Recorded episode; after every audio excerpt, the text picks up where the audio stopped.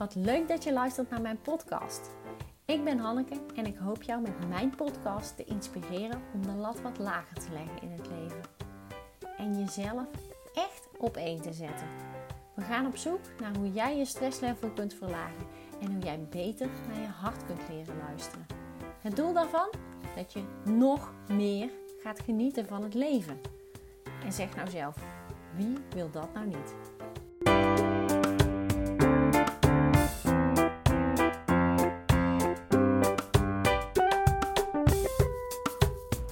Leuk dat je luistert naar een nieuwe aflevering van mijn podcast.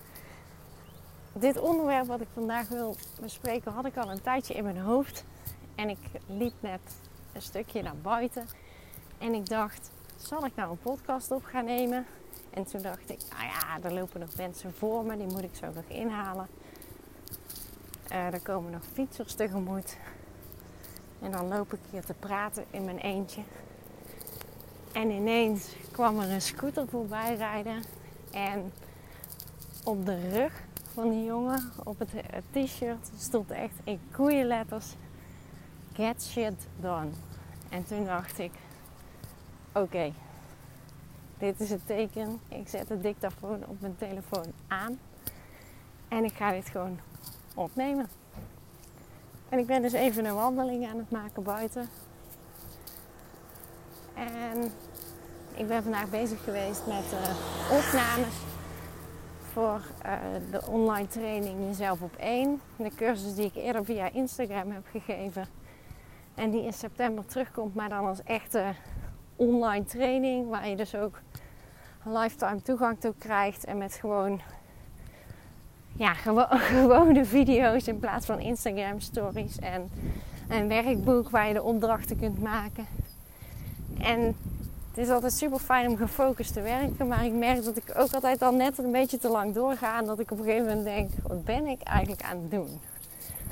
En dit was zo'n moment. En toen dacht ik, nou, ik ga naar buiten. Het volgende gedachte was, oké, dan moet ik nu ontspannen.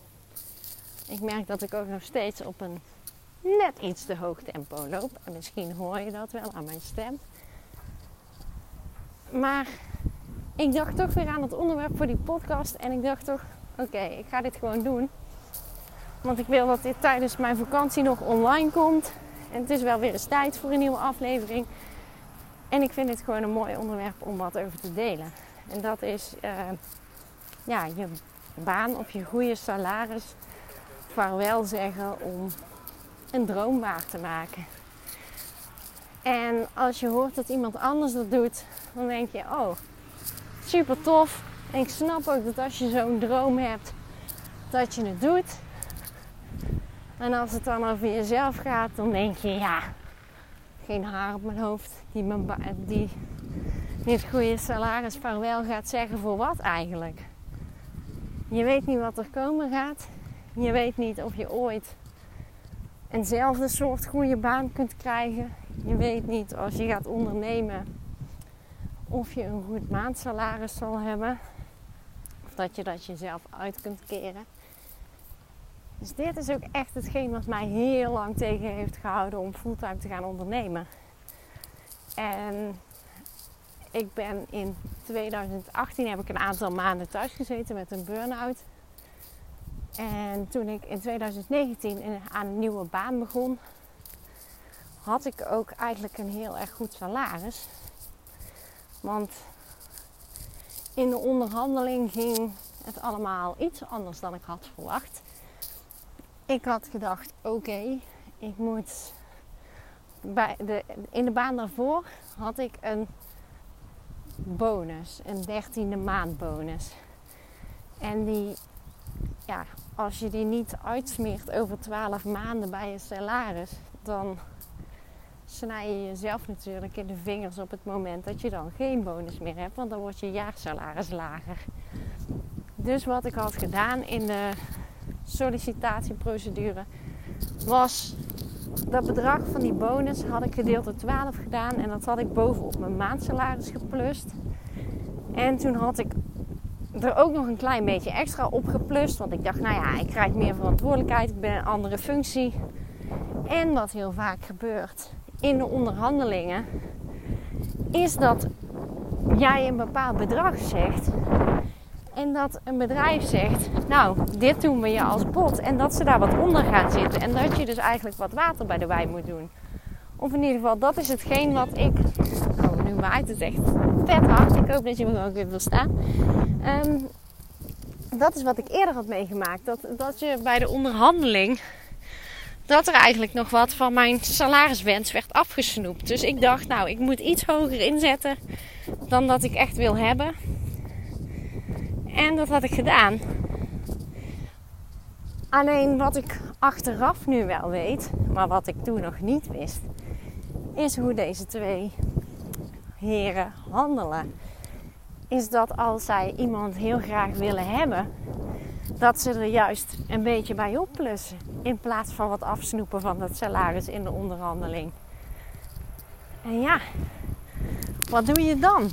Als je ineens een salaris aangeboden krijgt wat hoger is dan je jezelf als maximum had gesteld. Dus dat heb ik geaccepteerd in 2019. Maar daarmee had ik ineens wel een vet goed salaris. En dat was heel fijn. Want uiteindelijk verdiende ik ongeveer per maand netto bijna net zoveel als ik daarvoor met in drie dagen, als daarvoor met vier dagen werken. Dus ja, het is natuurlijk heel erg fijn als je een goed salaris krijgt en als je gewaardeerd wordt. En er was nergens vastgelegd dat er een bonus uitgekeerd werd. Maar als het goed ging met het bedrijf, dan gaat het ook goed met de medewerkers. En dan kregen we aan het eind van het jaar uiteindelijk toch ook nog een bonus. Terwijl die nergens was vastgelegd. En aangezien ik op HR zat, wist ik dat dat in het jaar daarna, dikke kans, ook zou gebeuren. Alleen, ja, wat ze niet wilden is dat die bonus vanzelfsprekend zou zijn. Of dat daar een logische formule achter zou zitten aan wat je dan uitgekeerd zou krijgen. Maar uiteindelijk was dat echt wel een mooi bedrag. Dus ik had inmiddels een heel goed salaris. En ook daar raak je natuurlijk enigszins aan gewend. Ik merkte ook misschien wel een beetje dat. Uh, doordat ik eigenlijk gewoon alles kon betalen van mijn baan in loondienst, dat ik in die zin misschien ook wel weer wat minder de druk voelde om echt heel erg te groeien als ondernemer. Om echt stappen te zetten en ja, bepaalde doelen te stellen voor mezelf. Want als ik kijk wat ik in, in dit jaar, in 2021, het jaar waarin ik dus vol, voltijds ben gaan ondernemen. Als ik kijk wat ik daarin heb neergezet. Dus uh, ik verkoop online intentiekaarten. Ik heb een cursus gegeven via Instagram. Ik heb een opleiding loopbaancoaching gevolgd. Ik heb een... Nou ja, ik heb ineens meer coachklanten. En ook mensen die mij echt weten te vinden. Die ik vooraf niet al ken. Wat ik dan toch nog steeds, dat blijf ik wonderlijk vinden. Uh, dus er is echt van alles gebeurd sinds dit jaar. En ik denk dat dat goede salaris, dat hield mijn groei misschien ook wel tegen. Want het was allemaal wel leuk wat ik daarnaast deed. Maar ja, het hoefde niet per se. En op een of andere manier voelde ik die drive misschien daardoor ook niet zo als dat, ik het, als dat het nu voelt. Want nu moet ik natuurlijk iets doen om te zorgen dat we aan het eind van de maand de hypotheek gewoon kunnen betalen. En ik kan er eerlijk over zijn, dat is niet in alle maanden van dit jaar even soepel gegaan vanuit mijn kant dan. En mijn vriend heeft natuurlijk ook een salaris en hij, ja, hij, hij staat erin van, joh, je moet, je moet dit doen, want je wilt het zo graag. En ik kan echt wel wat meer betalen, maar uiteindelijk wil ik er gewoon naartoe dat we weer een beetje in een andere balans komen. Maar dit jaar heb ik dus al veel meer neer weten te zetten dan dat ik eerder echt neer heb gezet met mijn bedrijf. En gedeeltelijk ligt dat dus aan het hoge salaris wat ik had. Daar ben ik echt van overtuigd. Maar natuurlijk ook een beetje omdat ik ja, drie dagen in loondienst werkte, wat me best wel wat energie kostte. En ja, dus ook dat houdt je wel tegen om bepaalde dingen te doen. Want er zit natuurlijk ook gewoon een maximum aan, aan wat jij kunt bereiken in een week of in een maand. Maar de echte stappen zijn pas gezet eigenlijk vanaf het moment dat een soort van het vuur aan mijn schenen lag. En wat is er nou aan vooraf gegaan dat ik het wel durfde? Nou, misschien heb je de eerdere podcast geluisterd hoe ik een tweede burn-out wist te voorkomen. Eigenlijk wist ik misschien al wel heel lang wat ik wilde. En ik vond het heel fijn dat ik in 2019 de kans kreeg om aan een andere baan te beginnen in de HR. En dat ik wat meer ruimte kreeg daarnaast voor mezelf. En dat ik de ruimte had ook om echt volledig te herstellen van mijn burn-out en in een volle energie te komen. En ja, daarbij toch de garantie te hebben dat je maandelijks een salaris gestort krijgt. Wat ik heel erg fijn vond. Want dat is natuurlijk, dat, dat kan ook ja, druk met zich meenemen als jij niet weet of je aan het eind van de maand wel geld hebt. Dus ik denk ook dat het helemaal een goede keuze is geweest om na mijn burn-out eerst nog aan een andere baan te beginnen. Maar op een gegeven moment begon het weer een beetje te schuren ik merkte dat ik me ja, wat minder prettig begon te voelen. Dat er bepaalde dingen waren die ik niet zo leuk vond. Dat ik niet kon sparren met een collega die ook op dezelfde afdeling werkte. Want ja, die was er niet. Um, dat ik uh, toch gevoelig blijf voor de energieën van andere mensen. Dus als iemand waarmee je wel vaak moet samenwerken niet zo lekker in zijn vel zit, dat ik, ja, dat ik mezelf ga wegcijferen of een soort van in de redderrol wil gaan zitten en die persoon wil ontzorgen. En ja, als je jezelf daarmee tekort doet, dan heb je er uiteindelijk niks aan. Maar waar het op neerkomt, uiteindelijk wist ik heel diep van binnen wel wat ik wilde, maar ik sprak het ook vooral niet uit. Want als je iets uitspreekt, dan is het echt.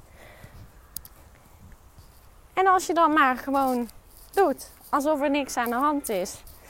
Als iedereen vraagt hoe je baan is en je zegt gewoon, oh leuk. Ja, dan op een gegeven moment, dan zegt je lichaam, hallo, dit is niet de bedoeling dat je dit doet. Ik wil dit niet. Stop hiermee. Dus uiteindelijk merkte ik dat ik weer slechter begon te slapen. Uh, dat ik ja, gewoon s ochtends weer gejaagd wakker werd. Dat ik best wel vaak uh, in een meeting zat waar ik niks hoefde te zeggen, maar dat mijn hartslag echt 100 was. En het was dan ook niet dat het een spannende meeting was, of dat daar besluiten werden genomen, of dat dat met mensen was waar ik me ongemakkelijk bij voelde. Dus de, de de werksfeer en de mensen om me heen waren totaal anders dan in, het, ja, in de situatie waarin ik uitgevallen ben met een burn-out. Maar ik herkende wel weer opnieuw bepaalde signalen. En ik wist ook heel goed dat ik dingen die ik niet fijn vond, dat ik die aan het negeren was. En dat ik dus eigenlijk diep van binnen wel wist dat ik dit niet wilde. En hoe wilde ik het dan wel? Want wat ik, ja, klinkt misschien heel lui, maar wat ik ook gewoon niet wilde, was ondernemen, gaan ondernemen en me helemaal te pletter werken. En ja, dat, dat was mijn worsteling. Dat ik dacht, hoe kan ik nou eigenlijk ditzelfde salaris binnenhalen, maar maar ook niet te pletter werken. En wat ook toch wel heel erg meespeelde, was dat ik dacht: nou ja, maar ik wil ook gewoon uit eten kunnen blijven gaan. Ik wil ook gewoon leuke schoenen kunnen kopen. Ik wil eh, een shirt kopen als ik daar zin in heb. Maar uiteindelijk merkte ik dus echt aan mijn lichaam dat, ja, dat er eigenlijk geen andere optie was dan mijn hart te gaan volgen. Want als ik dat niet deed en door bleef gaan in diezelfde situatie, dan wist ik wat het eindstation zou zijn. Dan wist ik dat het eindstation uiteindelijk een tweede burn-out zou zijn. En ja, als ik iets niet wil, dan is het dat wel. En daarnaast voelde ik me ook wel een soort van verantwoordelijk. Dat ik dacht, ja, wie ben ik nou? Als ik mensen met burn-out of met stress en burn-out klachten wil helpen.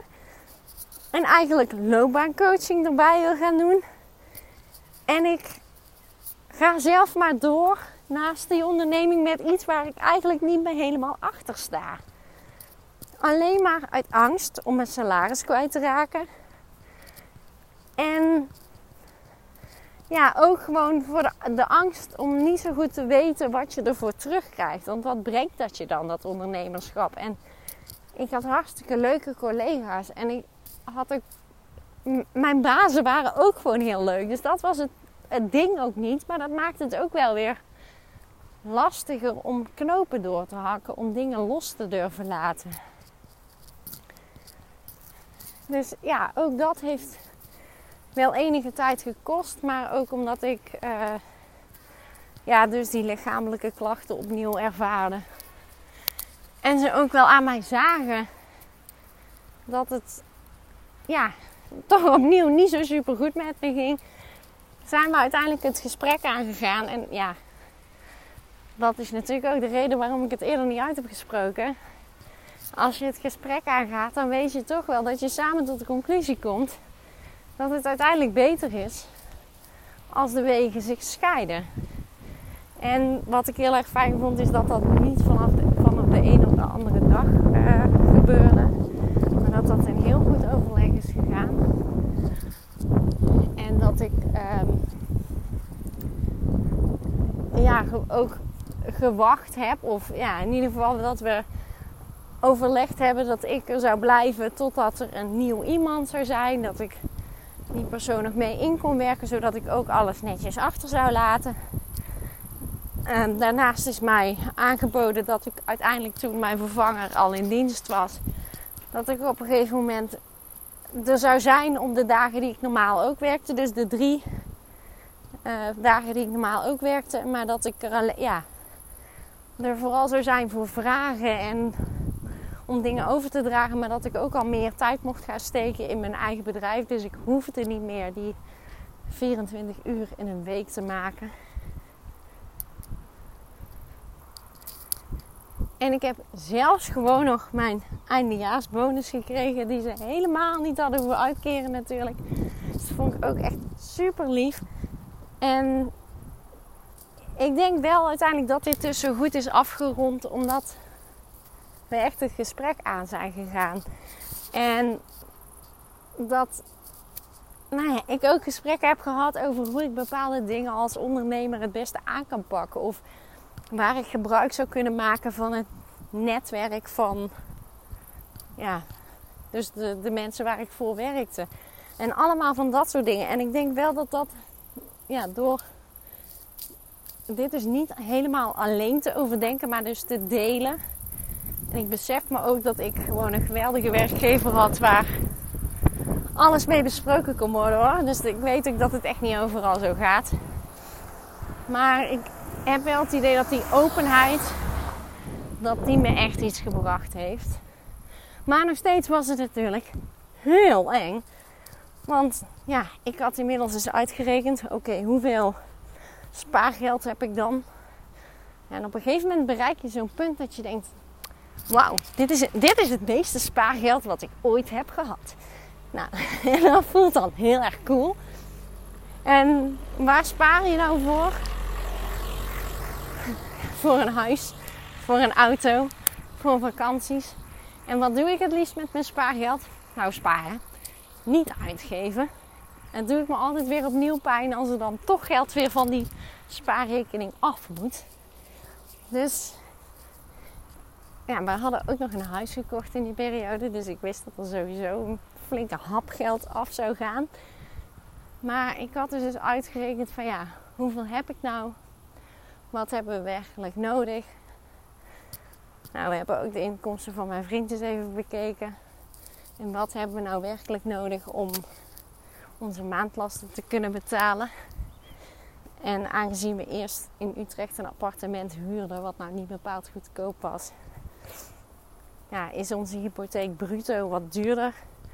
Maar uiteindelijk netto, als je de uh, hypotheekrente aftrek laat verrekenen met je inkomstenbelasting, uh, dan ja, zouden eigenlijk die hypotheek, dus de, ja, de hypotheeklasten zijn lager dan, dan onze huur was. De maandlasten zijn niet helemaal lager, omdat dit natuurlijk een groter huis is dan we een appartement hadden, waardoor je nou ja, in ieder geval andere verzekeringen nodig hebt. En waardoor je bijvoorbeeld meer stookkosten hebt, omdat je een groter oppervlak hebt en geen buren op onder naast je. Maar nou, in die zin zouden onze maandlasten dus niet heel erg veranderen. Dus daar, al, ja, daar hadden we wel goed naar gekeken. En uiteindelijk kom je dus ook tot, best wel tot de conclusie dat je eigenlijk best wel nutteloze uitgaven doet. En ik denk dat het in de afgelopen jaren echt al wel veel minder is geworden dan dat het was. Maar ga eens even na hoeveel kwaliteitloze oorbellen, nagellakjes, shirtjes, hemdjes, elastiekjes, haarspeltjes, koffie to go's koop je eigenlijk in een maand? Dan hebben we het misschien, ja, ik moet wel zeggen dat ik altijd heel alert ben geweest op mijn abonnementen. Dus dat zit wel goed, maar die kun je ook nog hebben. En ja, zo, zo zijn er eigenlijk best wel veel nutteloze uitgaven. En heb je al die dingen echt nodig? Want waar ik echt tegenop zag, is dat ik misschien wel minder kleding kon kopen, minder schoenen kon kopen, allemaal van dat soort dingen. Maar als ik nu terugkijk, het is helemaal niet zo dat ik in het afgelopen half jaar geen kleding meer heb gekocht. Schoenen. Uh, ja, ik heb ook schoenen gekocht. Maar wel minder. En ik denk wel kwalitatiever. Dus dat ik gedacht heb: oh, wauw, dit is één mooie jumpsuit. Die staat me goed, die wil ik hebben. Die koop ik. En dat die dan 60 euro kost. Nou, dat is dan zo. Maar al die 5 tot 10 euro frutjes, al die H&M shirtjes waarvan je denkt, nou die doe ik misschien wel een keer aan. Ja, die heb ik niet meer gekocht. Mis ik die? Eigenlijk niet. Het zijn die dingen waarbij je dan uit de kast op gaat ruimen en denkt, nou ja, misschien doe ik ze nog wel een keer aan. Dan gooi je ze weer terug tot de volgende ronde dat je de kast op gaat ruimen. En waar ik achteraf ook achter ben gekomen, is dat je die dingen in ieder geval dat ik bepaalde dingen ook wel kocht uit een soort van gevoel van onvrede, ongeluk. Ja, dat ik, dat ik bepaalde emoties misschien wel probeerde te dempen met bepaalde aankopen. En het is dus, ja. Ik dacht dus, van tevoren dacht ik heel erg: oké, als ik ga ondernemen en voor deze financiële onzekerheid kies, dan mag ik niks meer kopen. En inmiddels voelt het gewoon anders. Het voelt als ik kies er nu niet voor om iets te kopen. En dat is mentaal is dat zo'n verschil. Ja, als jij geen koekjes mag eten, dan heb je er instant zin in. En als je denkt, nou, ik zit nu lekker in mijn vel ik kies ervoor om maar één koekje te nemen per dag. Dan een halve pak, omdat ik weet dat ik me dan zelfverzekerd voel in mijn bikini. Dan is dat ook een hele andere mindset. En ik merkte dat het met geld eigenlijk ook zo werkt. Dat je ineens wat, ja, wat selectiever wordt. En dat je niet meer voor alles zomaar even een tijdschriftje koopt waar je dan drie artikelen in, in leest. En ik heb ook wel echt het idee dat ik in die zin in de loop der jaren steeds minder troepjes ben gaan kopen. Maar het kan dus nog, het kon dus nog steeds minder. En het kan misschien nog steeds wel minder. Want het is dus echt niet zo dat ik mezelf helemaal niks meer gun. Maar als ik nu terugkijk, was dat goede salaris al die nou ja, rommeltjes kunnen kopen me dan waard? Nee, absoluut niet. Want er waren ook genoeg dagen dat ik met buikpijn opstond en er geen zin in had. En dat ik dacht, nou, had ik vandaag maar aan mijn eigen bedrijf kunnen besteden. Dus het voelt gewoon zo anders. En ben ik op het salarisniveau waar ik was? Nee, helaas niet. Dus help Jan Splinter door de winter en bestel acuut een cursus op intentiekaarten. Nee, grapje. Maar uh, nee, ik ben nog niet op het, op het punt waar ik zat. En op een gegeven moment kreeg ik daar toch ook wel weer een bepaalde onrust van. Want ik ben dus bezig met het uh, ontwikkelen van die cursus. Nou, de, die online academy laten bouwen kostte natuurlijk ook weer geld. En ik had al geïnvesteerd in de opleiding loopbaancoaching. En zo waren er nog een paar grote investeringen dit jaar. Dus dat was eigenlijk, ja, dan is het best wel lastig om jezelf ook nog een salaris uit te keren. Dus ik ben in de afgelopen maanden ook best wel wat ingeteerd op mijn uh, spaargeld. En het is nog steeds niet zo dat er blinde paniek ontstaat. Maar op een gegeven moment dacht ik wel, nou, ik geloof wel dat ik er misschien iets rustiger onder ben. Als ik kan zorgen dat er nog net wat extra binnenkomt. En wat ik ben gaan doen, en dat heb ik niet op Instagram gedeeld. En niet omdat het een geheim is of omdat ik me ervoor schaam. Maar vooral omdat ik op Instagram een eenduidige boodschap wil uitdragen. Waarin ik wel een stukje van mijn eigen leven laat zien. En laat zien hoe ik werk en ontspan. En wat ik doe met mijn bedrijf en waar ik jou bij kan helpen. Maar ik wil daar geen ruis in de lijn, op de lijn uh, aanbrengen in wat ik allemaal doe in een week. Maar wat ik ben gaan doen is, ik heb me opnieuw aangemeld bij het Temper platform. Dat is een app waar je in kan loggen en daar staan allemaal horecadiensten in. Dus dan kun je bijvoorbeeld kiezen om bij een sauna, een theater, een koffietent op het station, om daar een bepaalde shift te gaan werken. En daar staan dan tijden bij met van hoe laat tot hoe laat die shift is. En dit heb ik al eens eerder gedaan. Dit heb ik in 2018 gedaan toen ik uh, herstellende was van mijn burn-out. En toen ik besloten had dat ik niet meer bij mijn vorige werkgever uh, terug wilde. Um, maar, en ik ook nog niet begonnen was met mijn nieuwe baan. Want ik merkte toen uh, ja, dat ik me onzeker voelde over functioneer ik eigenlijk wel. Um, kan ik helder blijven denken als de koffiebonen op zijn, ik noem maar wat. En om mezelf toch eigenlijk wat zelfvertrouwen te geven en eens kijken hoe me, te kijken hoe mijn soort van uithoudingsvermogen was, ben ik toen ook een aantal horecadiensten gaan draaien. En ik heb daarvoor heb ik ja, bijbaantjes gehad in de horeca en zo. Dus het was niet helemaal onbekend. Ik heb wel locaties uitgekozen waar je niks met de kassa hoefde te doen. Want ik dacht, nou lijkt me gewoon lekker relaxed. En dat beviel toen eigenlijk best wel goed. Ik vond het ook best wel weer leuk, want ja, mensen zijn gewoon dankbaar als je een kopje koffie of een biertje voor ze neerzet. En ik dacht ineens, in, ja, in juli toen alles weer open ging en toen ik uiteindelijk ook mijn eerste vaccinatie had gehad, toen wisten we nog niet hoe besmettelijk de Delta-variant was. Maar goed, het is tot nu toe goed gegaan, gelukkig. Maar toen heb ik besloten om dus weer via Tempo wat horecadiensten te gaan draaien. Eén per week, niet meer. Maar ik koos ook tijden die bij mij passen. Dus of volledig overdag van 10 tot half 6 of zo. Of maximaal tot een uur of half 9, 9 uur s'avonds. Want ik weet gewoon dat ik het beste blijf functioneren als ik redelijk op tijd naar bed ga. En dat ben ik gaan doen. En dat blijkt eigenlijk ook best wel leuk. Want het is best wel een leuke afwisseling. En ik heb tot nu toe heb ik uh, eigenlijk alleen maar diensten gedraaid op dezelfde plek. Omdat ik het gewoon heel erg leuk vond. En het is ook wel fijn als je daar een beetje wegwijs wordt. Dus ik heb uh, ja, horecadiensten gedraaid in een sauna in het restaurant daarvan en op het terras.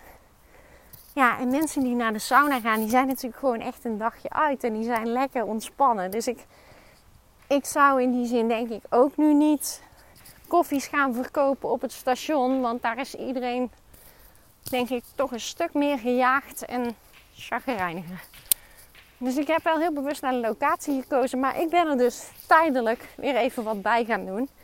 En ik merkte eigenlijk ook wel dat het gewoon heel erg lekker is om eens in de week gewoon even iets te doen waar je fysiek bezig bent, waar je wel waardering voelt en waar je ook echt nul verantwoordelijkheid hebt.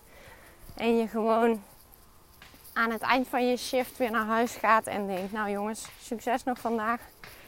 Tot volgende week. Of misschien niet volgende week, maar de week erna. En dat ja, geeft wel zo'n rust. En het is natuurlijk wel prettig als je van die grote investeringen hebt gedaan. Dat er toch ook wat extra geld binnenkomt. En het is natuurlijk niet dat je daar super rijk van wordt. Maar ja, ik merkte ook wel dat dat een soort van de, de druk weer een beetje wegnam uit mijn hoofd. En ook het besef dat er eigenlijk gewoon best wel tekort is aan personeel dat ik ook mijn droom niet zo snel op hoef te geven als ik er niet mijn volledige maandsalaris wat ik had. Oh, dan komt hier even een elektrische grasmaaier voorbij.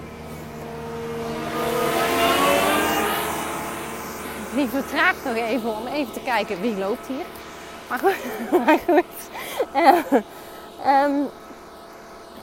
ja, de, hierdoor heb ik ook wel weer een besef van, oh ja, je kan altijd wel geld verdienen.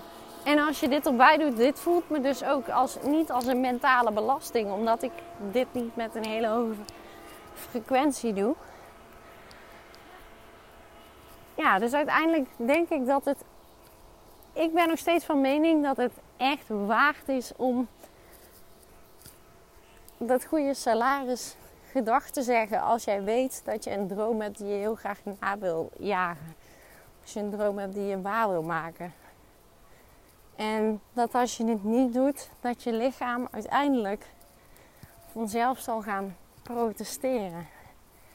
En misschien heb je wel niet helemaal helder nog wat die, wat die droom dan is. Maar weet je wel dat wat je nu doet, dat je dat eigenlijk helemaal niet wil. Alleen zie jij misschien niet wat dan wel. Of waar je goed in bent. Of wat je mogelijkheden zijn. Of ben je bang dat je altijd een lager salaris zal krijgen dan je nu hebt. Of dat je geen vast contract meer hebt. Ik had ook een vast contract, maar in die zin hecht ik daar nou niet zo super veel waarde aan. Ehm, ja, uiteindelijk, ik vond het dus echt heel spannend hoor. Om, uh, om een baan op te zeggen en dat salaris vaarwel te zeggen. En ik ben ook dus een paar keer in hypnose geweest, omdat ik merkte dat de angst voor het onbekende en ook het, het financiële stukje, dat die angst me zo lam legde. Dat, ik, ja, dat, dat het mijn creativiteit eigenlijk een beetje in de weg zat. En het plannen maken en doorpakken. Aan het begin, ja, eind vorig jaar, begin van dit jaar.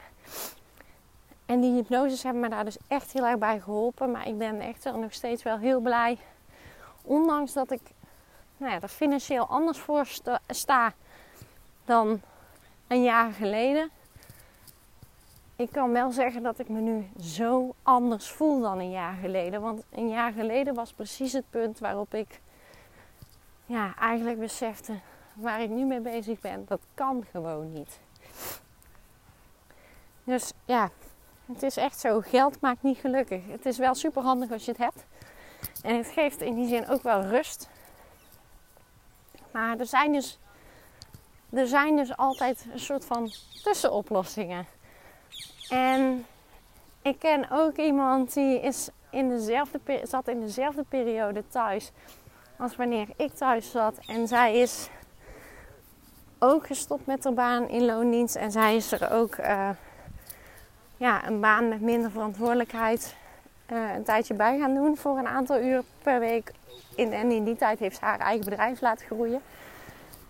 Dus ook dat is een mogelijkheid.